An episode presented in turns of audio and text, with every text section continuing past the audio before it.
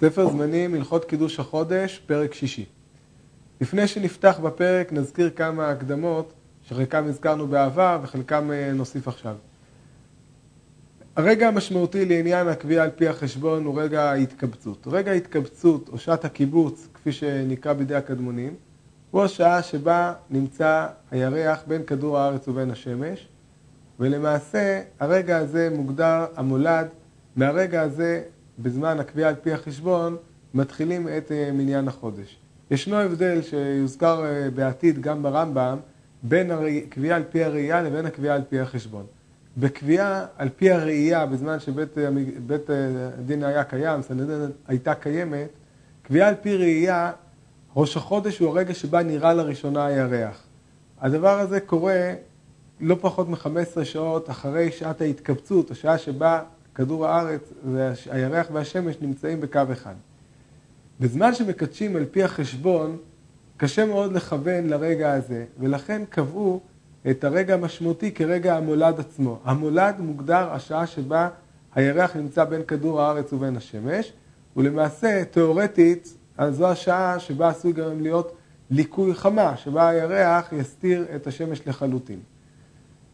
לצורך קביעת החשבון, החליטו שלא לבוא ולראות את הדברים על פי החוד, כל חודש וחודשו, מה הזמן שלוקח מרגע הקיבוץ לרגע הקיבוץ הבא, אלא לקחת זמן ממוצע של אורך החודש. הדבר הזה נקרא החודש האמצעי, הממוצע, חודש הממוצע. החודש הממוצע הוא לא, אף פעם, כמעט הוא לא קורה אף פעם, כי למעשה האורך האמיתי של החודש, דהיינו הרגע משעת קיבוץ אחת לשעת קיבוץ שנייה, משתנה מעונות השנה, הוא משתנה בהתאם למיקומו של כדור הארץ סביב השמש, ומאוד מאוד קשה לדייק ברגע הזה.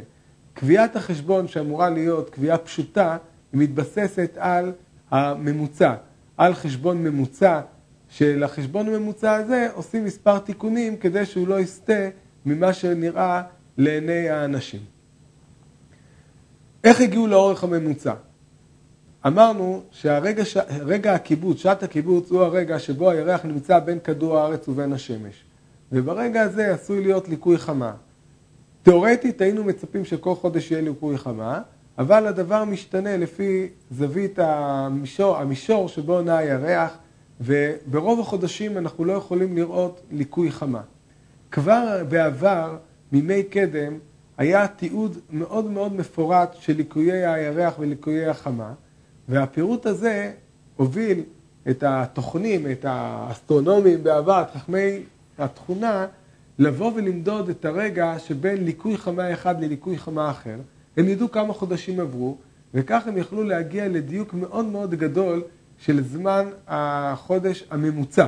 ברגע שאתה יודע לדוגמה שבין ליקוי חמה אחד למשנהו עברו 30 חודשים, אם אתה יכול למדוד את הזמן שבין ליקוי אחד לשני ואתה מחלק אותו לשלושים, אתה יכול לדעת מהו אורך החודש הממוצע. כי ליקוי חמה יהיה, יתרחש לעולם בשעת הקיבוץ. ואם הגדרנו את החודש הממוצע, אז אמנם לא כל חודש הוא יתאים לחודש הממוצע, אבל בסופו של דבר, לאורך זמן, החודש הממוצע, אם אנחנו נתמיד בו, הוא ישמור אותנו, שאנחנו תמיד נוכל להגדיר את ראש החודש בהתאם להיראות הירח. בשביל זה צריך לבוא ולהגדיר גם איזושהי נקודה שממנה מתחילים. נקודה שממנה אפשר להתחיל ולספור, לדעת שביום כך וכך, בשעה זו וזו, הוא רגע מולד, שממנו אפשר להתחיל למדוד ולספור את החודשים הממוצעים, ועל פי זה לקבוע את החשבון, ולמעשה בעניינים הללו עוסק אה, הפרק. אני רוצה רק להדגיש שהפרקים הקרובים הם פרקים שיש בהם הרבה מאוד אה, תרשימים שראוי להשתמש בהם. כיוון שאנחנו רוצים להתחשב באלו שהם לא רואים את השיעור, נשתדל ככל הניתן לא להשתמש בתרשימים. אני מציע לראות את התרשימים גם במהדורת הרמב"ם היומי, יש שם כמה ציורים ותרשימים מאוד משמעותיים וחשוב מאוד לעקוב אחרי הדברים. וכן, אני מציע גם לראות את פירוש יד פשוטה לפרקים הללו, שגם הוא מסביר את הפרקים הללו בשפה בהירה ושווה לכל נפש. אנחנו נעלה, אם ירצה השם, לאתר, לאתר הרמב"ם היומי, את הפירוש של יד פשוטה, דבר שיאפשר לכל מי שמעוניין להעמיק יותר ולקרוא את הדברים ביתר הרחבה, כי במסגרת הזמן שאנחנו מעבירים את השיעור לא ניכנס לפירוט כל הדברים. נעבור ללימוד הפרק. הלכה א' בזמן שעושים על הראייה, היו מחשבים ויודעים שעה שהתקבץ בה הירח עם החמה בדקדוק הרבה כדרך שההצטגנינים עושים, כדי לדע אם יראה הירח או לא יראה. כבר הזכרנו שבזמן שהיו מקדשים על פי הראייה, חכמי בית הדין, חכמי הסנהדרין, ידעו את השעה המדויקת שבה התקבץ הירח והשמש, שעת הקיבוץ, ועל פי זה הם ידעו האם הירח ייראה בלילה שאחריו או לא. אבל כפי שאמרנו, החשבון מבוסס על עניין שונה. ותחילת אותו החשבון, החשבון הכוונה היא ראייה על פי החשבון, הוא החשבון שמחשבים בקירוב ויודעים שעת קיבוצם בלא דקדוק. ושעת קיבוצם בלא דקדוק אלא במהלכם האמצעי, מהלכם האמצעי הכוונה היא לממוצע של החודש, הוא הנקרא מולד. ועיקרי החשבון שמחשבים בזמן שאין שם בית דין שיקבעו על הראייה, והוא חשבון שאנו מחשבים היום, הוא הנקרא עיבור, ואלו הם. כאן הולך הרמב"ם ומפרט את העיקרים של החשבון, שהחשבון כאמור מבוסס על המהלך האמצעי של, ה, של הירח, פירושו של דבר על החודש הממוצע, אורך החודש הממוצע. הלכה ב' היום והלילה, 4 ו-20 שעות בכל זמן, 12 שעות ביום ו-12 בלילה, והשעה מחולקת ל-1080 חלקים. ולמה חילקו השעה למניין זה? לפי שמניין זה יש בו חצי ורביע ושמין ושליש ושטות ותשיע וחומש ואיסור והרבה חלקים יש לכל אלו השמות.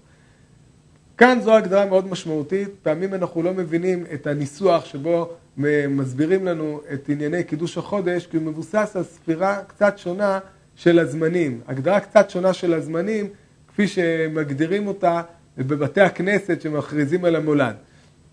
למעשה היום מחולק ליום, שעות, שעות כפי שאנחנו מכירים את מניין השעות בימינו, חשוב להדגיש שהשעות הן לא שעות זמניות בענייני קידוש החודש, אלא אנחנו לעולם מדברים על שעות קבועות. שעות קבועות שמתחילות משעה שש בערב, שבימים השווים זו תחילת, ה... זו, זו תחילת הערב.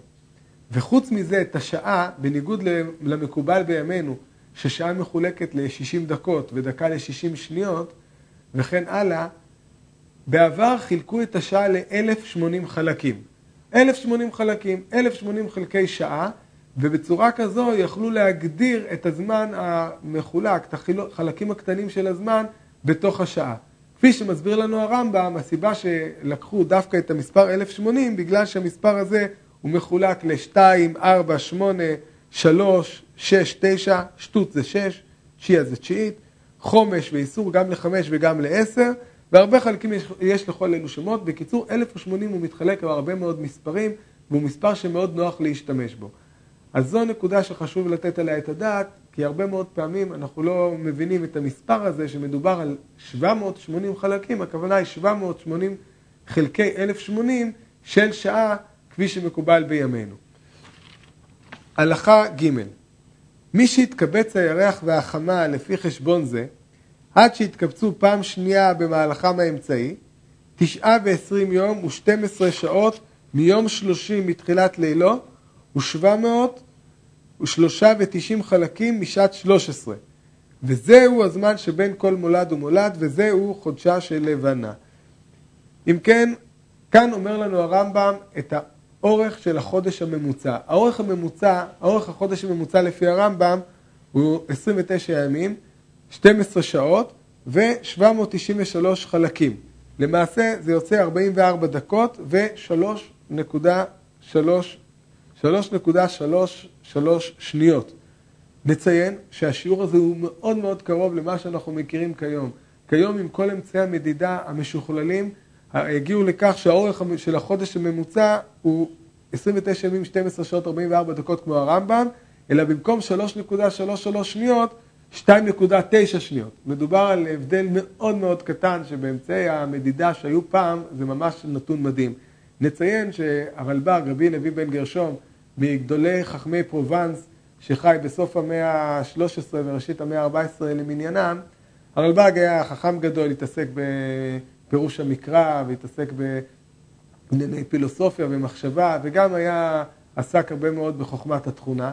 ישנו חלק מספרו מלחמות השם, ישנו במאמר החמישי חלק ראשון שלא הודפס בדפוסים שהדפיסו את הספר מלחמות השם, שהוא ספר מאוד חשוב, אם כי גם קשה, והוא מופיע רק בכתבי יד, וכל הפרק, כל החלק, הפרק הזה עוסק בענייני התכונה, החלק הזה עוסק בענייני התכונה, ושם הרמב"ם, הרלב"ג מביא את המדידה שלו לאורך החודש, והמדידה שלו היא אפילו יותר קרובה למה שאנחנו מכירים כיום, זה 3.316 שניות, ממש הפרש זעום ביחס למדידה המדויקת שניתן להגיע אליה כיום. היה יכולת בעבר על ידי התצפיות של החכמים להגיע לדיוק מאוד גדול בענייני אה, התנהלות גרמי השמיים. אם כן, אז זה ההגדרה. ההגדרה הזאת, הזמן הזה של החודש היא הגדרה מאוד מאוד חשובה, כי מהרגע שאנחנו נוכל להגדיר את המולד הראשון שממנו נתחיל את המדידה, נוכל מעכשיו לדעת מה, מתי יחול כל מולד חודש, מתי יחול כל מולד ומולד. אנחנו לא דנים מתי יהיה ראש חודש, בזה נדון בפרק הבא. אנחנו כרגע רק דנים בשאלה אחת, מהו רגע המולד על פי המהלך האמצעי, דהיינו על פי אורך החודש הממוצע. הלכה ד' שנה של לבנה, אם תהיה 12 חודש מחודשים אלו, יהיה כללה 304 ו-50 יום ו-8 שעות ו-806 ו-70 חלקים. ואם תהיה מעוברת, ותהיה השנה ה-13 חודש, יהיה כללה 380 יום ואחת ועשרים שעות וחמש מאות תשעה ושמונים חלקים. ושנת החמה היא 305 ושישים יום ושש שעות. נמצא תוספת שנת החמה על שנת הלבנה עשרה ימים ואחת ועשרים שעות ומאתיים וארבעה חלקים. אם כן, פה עושה הרמב"ם חישוב מאוד מאוד פשוט, הוא מכפיל את המספר שהוא הזכיר בהלכה הקודמת של 29 ימים, 29 ימים, 12 שעות ו-793 חלקים, או ב-12 או ב-13, בהתאם לאורך השנה, אם יש בה 12 חודשים או 13 חודשים, הוא משווה את זה לשנת החמה. לא נאריך כרגע, ב, לא נאריך כרגע בחישוב הזה. את החישוב ניתן גם לראות במהדורת הרמב"ם היומי וגם לעשות את החישוב ברמב"ם. בכל מקרה, ככה נוצר לנו פער בין אורך שנת החמה לבין אורך שנה של 12 חודשי לבנה או 13 חודשי לבנה. והדבר שצריך לעשות עכשיו, ברגע שנוצר, הולך ונוצר פער גדול בין שנות, שנת החמה לשנת הלבנה, של יותר מחודש, אז נעבר את השנה כדי שנוסיף חודש, חודש אחד, כדי ששנת החמה ושנת הלבנה יתקרבו אחת לשנייה, ואז למעשה יצא שפסח יצא בעונת האביב. הלכה ה' כשתשליך ימי חודש הלבנה שבעה שבעה, שהם ימי השבוע, יישאר יום אחד ו-12 שעות ו-703 ו-90 חלקים, סימן להם א' י"ב תשצ"ג. א' י"ב תשצ"ג, פירושו של דבר יום אחד, 12 שעות, תשצ"ג חלקים, זה השיעור שהזכרנו קודם, 793. שלוש, וזוהי שארית חודש הלבנה. שארית חודש הלבנה, הכוונה כמה זמן הלבנ... החודש יותר מאשר שבועות שלמים. וכן כשתשליך ימי שנת הלבנה שבעה שבעה, אם שנה פשוטה היא, יישאר ממנה ארבעה ימים ושמונה שעות ושמונה מאות ושישה ושבעים חלקים, סימן להם ד' ח' תתע"ו, ד' ימים ח' שעות ותתע"ו חלקים, וזוהי שארית שנה פשוטה. ואם שנה מעוברת היא, תהיה שאריתה חמישה ימים ואחת ועשרים שעות וחמש מאות תשעה ושמונים חלקים, סימן להם ה' כ"א תק"פ. למה מביא לנו הרמב"ם את החישוב הזה? למעשה החישוב הזה הוא הכפלה החישוב הזה הוא הכפלה של 12 חודשים או 13 חודשים. למה מביא הרמב"ם? כי אם אנחנו נרצה לדעת את המולדות לשנים עתידיות, הרבה יותר קל לנו לבוא ולבחון במרחקים של שנה ולא לחשב 12 כפול ההפרשים הללו, כי הרי ההפרשים הללו מהרגע שהם סוגרים שבוע שלם הם לא מעניינים אותנו. אנחנו רוצים לדעת באיזה יום בשבוע יחול המולד. ולכן יותר נוח לנו לעבוד, אם אנחנו מחשבים לתקופות ארוכות, יותר נוח לנו לעבוד עם מספרים, עם החישוב של שנה, ואחרי זה נראה את החישוב של אה, שנות המחזור. הלכה ו' כשיהיה עמך ידוע מולד חודש מן החודשים, ותוסיף עליו א' י"ב, י"ב תשצ"ג, זה ההבדל שארית החודש, כפי שגדלנו קודם, יצא מולד חודש שאחריו, ותדע באיזה יום מימי השבוע ובאיזו שעה ובכמה חלק יהיה. כיצד? הרי שהיה מולד ניסן באחד בשבת בחמש שעות ביום ומאה ושבעה חלקים, סימן להם א' ה' ק"ז, כשתוסיף עליו שארית חודש לבנה, והוא א' י"ב תשצ"ג, יצא מולד אייר בליל שלישי, חמש שעות בלילה ותשע מאות חלקים, סימן להם ג' ה' ת' ת' ק', ועל דרך זו עד סוף העולם, חודש אחר חודש. למעשה מדובר בחישוב מאוד פשוט, מהרגע שנכנסים, מהרגע שקולטים את הרעיון, שהאורך של כל חודש הוא השארית של כל חודש, האורך הוא פחות משמעותי, השארית של כל חודש בימות השבוע זה א', י"ב, תשצ"ג, אז אנחנו לפי מספר החודשים נוכל לעולם לדעת מתי יהיה, באיזה יום ובאיזה שעה ב- בלילה יהיה המולד, או ביום יהיה המולד שאחריו. ממשיך הרמב"ם בהלכה ח' וכן כשיהיה עמך ידוע מולד שנה זו, ותוסיף שאריתה לימי המולד. אם פשוטה היא שארית הפשוטה, ואם מעוברת שארית המעוברת, יצא לך מולד שנה שלאחריה. וכן שנה אחר שנה עד סוף העולם. אם כן, כפי שאמרנו, אפשר לחשב גם בשנים. אם אתה יודע מה ההפרש שיוצא ל-12 חודשים או ל-13 חודשים, אתה יכול לחשב את ההפרש משנה לשנה, דבר שיקל עליך במקום שתצטרך להכפיל מספר גדול של חודשים, תוכל לעבוד על פי ההבדלים של שנים. אבל הדבר המשמעותי, להגדיר מאיזה נקודה מתחילים, מהי הנקודה שממנה מתחילים לספור את השאריות הללו, ואת זה מגדיר הרמב"ם בהמשך ההלכה. והמולד הראשון שממנו תתחיל הוא מולד שהיה בשנה הראשונה של היצירה, והוא היה בליל שני, חמש שעות בלילה, ו-204 חלקים, סימן להם בית A ר"ד, וממנו היא התחלת החשבון, בית ימים A שעות, ר"ד חלקים. רבותינו זיכרונם לברכה קבעו את רגע המולד שממנו מתחילים את כל הספירה של המהלך האמצעי של החודשים הממוצעים, בחודש, במולד שהיה לחודש הראשון של העולם, דהיינו לחודש תשרי של אותה שנה. אמנם יש מחלוקת בגמרא האם העולם נברא בתשרי או בניסן, אבל זה לא כל כך משמעותי. מה שמשמעותי היא קביעה של נקודה מסוימת. אז יצאו מתוך נקודת הנחה שלו נגיד שהעולם נברא בחודש תשרי, אז המולד של אותו חודש היה, מתק... היה קורה בזמן מסוים, וממנו מתחילים את הספירה. אבל גם אם העולם נברא לאחר מכן, גם אם הוא נברא בניסן, זה לא משנה את העובדה שזוהי הנקודה שהיא נקודת העוגן שלנו לספירת הדברים. ומכאן, אדם שיספור מאותה שנה, לדוגמה, 4,700 שנה עברו, כל שנה אתה יודע שיש לה פער שהזכרנו, כך וכך שנים פשוטות, כך וכך שנים מעוברות, אדם יוכל לדעת באיזה יום ובאיזה שעה בשבוע היה המולד של אותו חודש. ממשיך הרמב"ם בהלכה ט' וכל החשבונות האלו שתדע מהם המולד, כשתוסיף שארית עם שארית, כשיתקבץ מן החלקים 1080, תשלים שעה אחת. ברגע שהחלקים שהם חלקי השעה מתקבצים ל-1080, הושלמה שעה אחת, אז כמו שאנחנו רגילים לעשות בחיבור בטור, חיבור בטורים, אז מעבירים שעה אחת לשעות, ואת החלקים, את החלקים אנחנו משאירים את החלקים, אנחנו נשאיר כפי שהם. אם יצטרף יותר מ-1080, לדוגמה יצטרף 3,160, אז נוסיף שני ימים וכן הלאה. ותוסיף אותם למניין השעות. כשיתקבץ מן השעות 4 ו-20, תשלים יום ותוסיף למניין הימים. וכשיתקבץ מן הימים יתר על שבעה, תשליך שבעה מן המניין ותניח השער. שאין אנו מחשבים לידה מניין הימים, אלא לידה באיזה יום ימי השבוע, באיזו שעה, באיזה חלק יהיה המולד.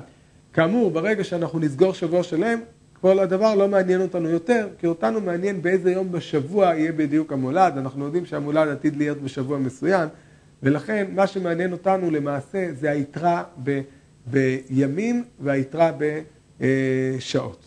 היתרה שפחותה משבע בימים, היתרה בשעות והיתרה בחלקים. הלכה י' ההלכה הזאת היא היסוד של עיבור השנה. הזכרנו שיש לנו צורך בגלל הפער שבין 12 חודשים ממוצעים של אה, לבנה לבין, שזה שנת לבנה, לבין שנת החמה, ישנו פער של אה, כך וכך ימים. את הפער הזה אנחנו צריכים לסגור, כדי שלא יהיה אה, הפרש בין חג הפסח לבין עונת האביב, צריך לסגור את הפער. והדרך לזו על ידי עיבור השנה. עיבור השנה בזמן שהיה בית דין מקדשים את החודש על פי ראייה ומעברים את השנה על פי סימנים, היה נעשה על פי סימני הטבע. אבל בקביעה, על פי החשבון, קבעו זמנים מסוימים שבהם מעברים את השנה, כפי שהרמב"ם מפרט בהלכה. כל 19 שנה שיהיו מהן 7 שנים מעוברות ו-12 פשוטות נקרא מחזור. ולמה שמחנו על מניין זה? שבזמן שאתה מקבץ מניין ימי 12 שנה פשוטות ושבע מעוברות ושעותיהן וחלקיהן ותשלים כל 1080 חלקים שעה וכל 420 שעות יום ותוסיף למניין הימים, תמצא כל 19 שנה משני החמה, שכל שנה מהן 305 ו-60 יום ו-6 שעות בשווה, ולא יישאר ממניין ימי החמה בכל 19 שנה חוץ משעה אחת ו-485 חלקים, סימן להם א', ת', פ'. מי שעוקב אחר היתרות של החודשים מתחילתו של מחזור, יכול לראות את ההיגיון הרב שיש בקביעה של שנות העיבור. השנות העיבור, כפי שיזכיר הרמב"ם בהלכה הבאה, הן שנות, ש, ש, שנים קבועות שבהן קובעים את העיבור. אולי נקרא את ההלכה הבאה ואז נסביר את שתי ההלכות יחד. נמצא שבמחזור שהוא כזה, בחודשים כולם חודשי הלבנה והשנים שני החמה. והשבע השנים המעוברות שבכל מחזור ומחזור לפי חשבון זה, הם שנה שלישית מן המחזור ושישית ושמינית ושנת 11 ושנת 14 ושנת 17 ושנת 19. מה שמקובל לומר גוח אדזת, ג' ו' ח', שלישית, שישית, שמינית, אדזת זה כבר ב-10, 11, 14, 17 ו-19. למה בחרו דווקא את השנים הללו?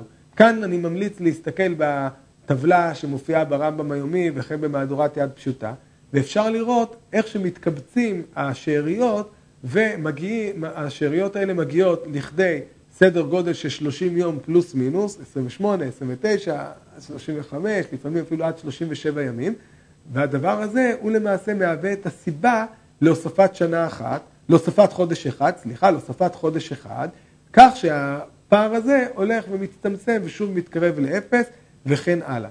יש פה נקודה אבל מאוד משמעותית. הרמב"ם הזכיר לנו שעדיין, למרות ש-19 שנה של מחזור הם מאוד מאוד מאוד קרובים שנות הלבנה ושנות החמה, אחרי שעיברנו את החודשים, את השנים המתאימות, מאוד מאוד קרוב, קרובים אחד לשני, עדיין יש פער. יש פער של שעה אחת ו-485 חלקים. הפער הזה למעשה הוא פער שלא מכוסה, אין לנו שום מנגנון שסוגר את הפער הזה.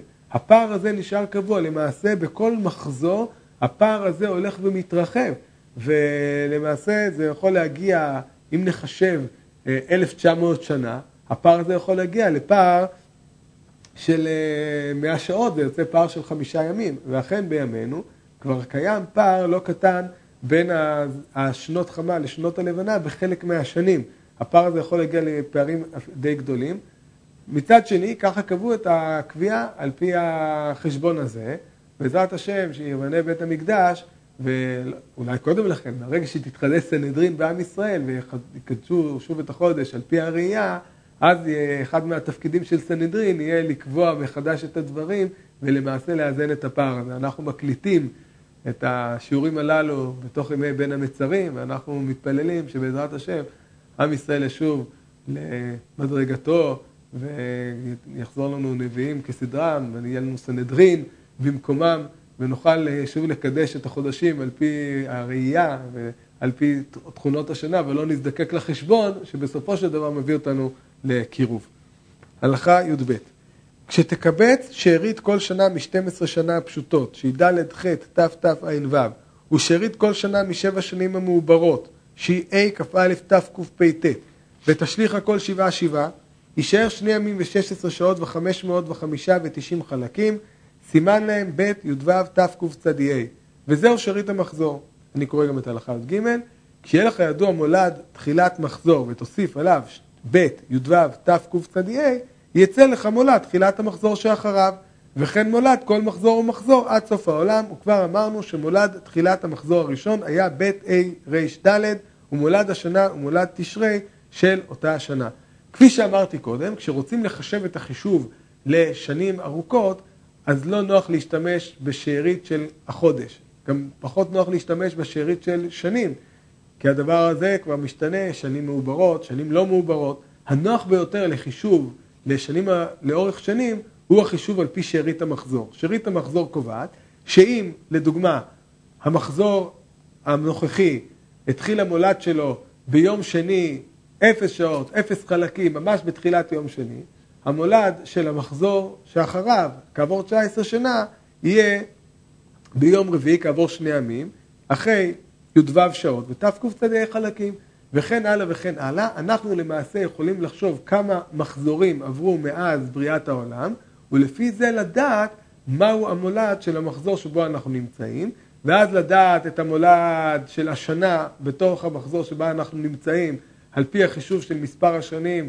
הפשוטות והמעוברות, ועל פי החודשים באותה שנה לדעת את המולד של אותו, של אותו חודש, וכך נדע את המולד של החודש הנוכחי. וזה מה שמסביר הרמב"ם בהלכה הבאה.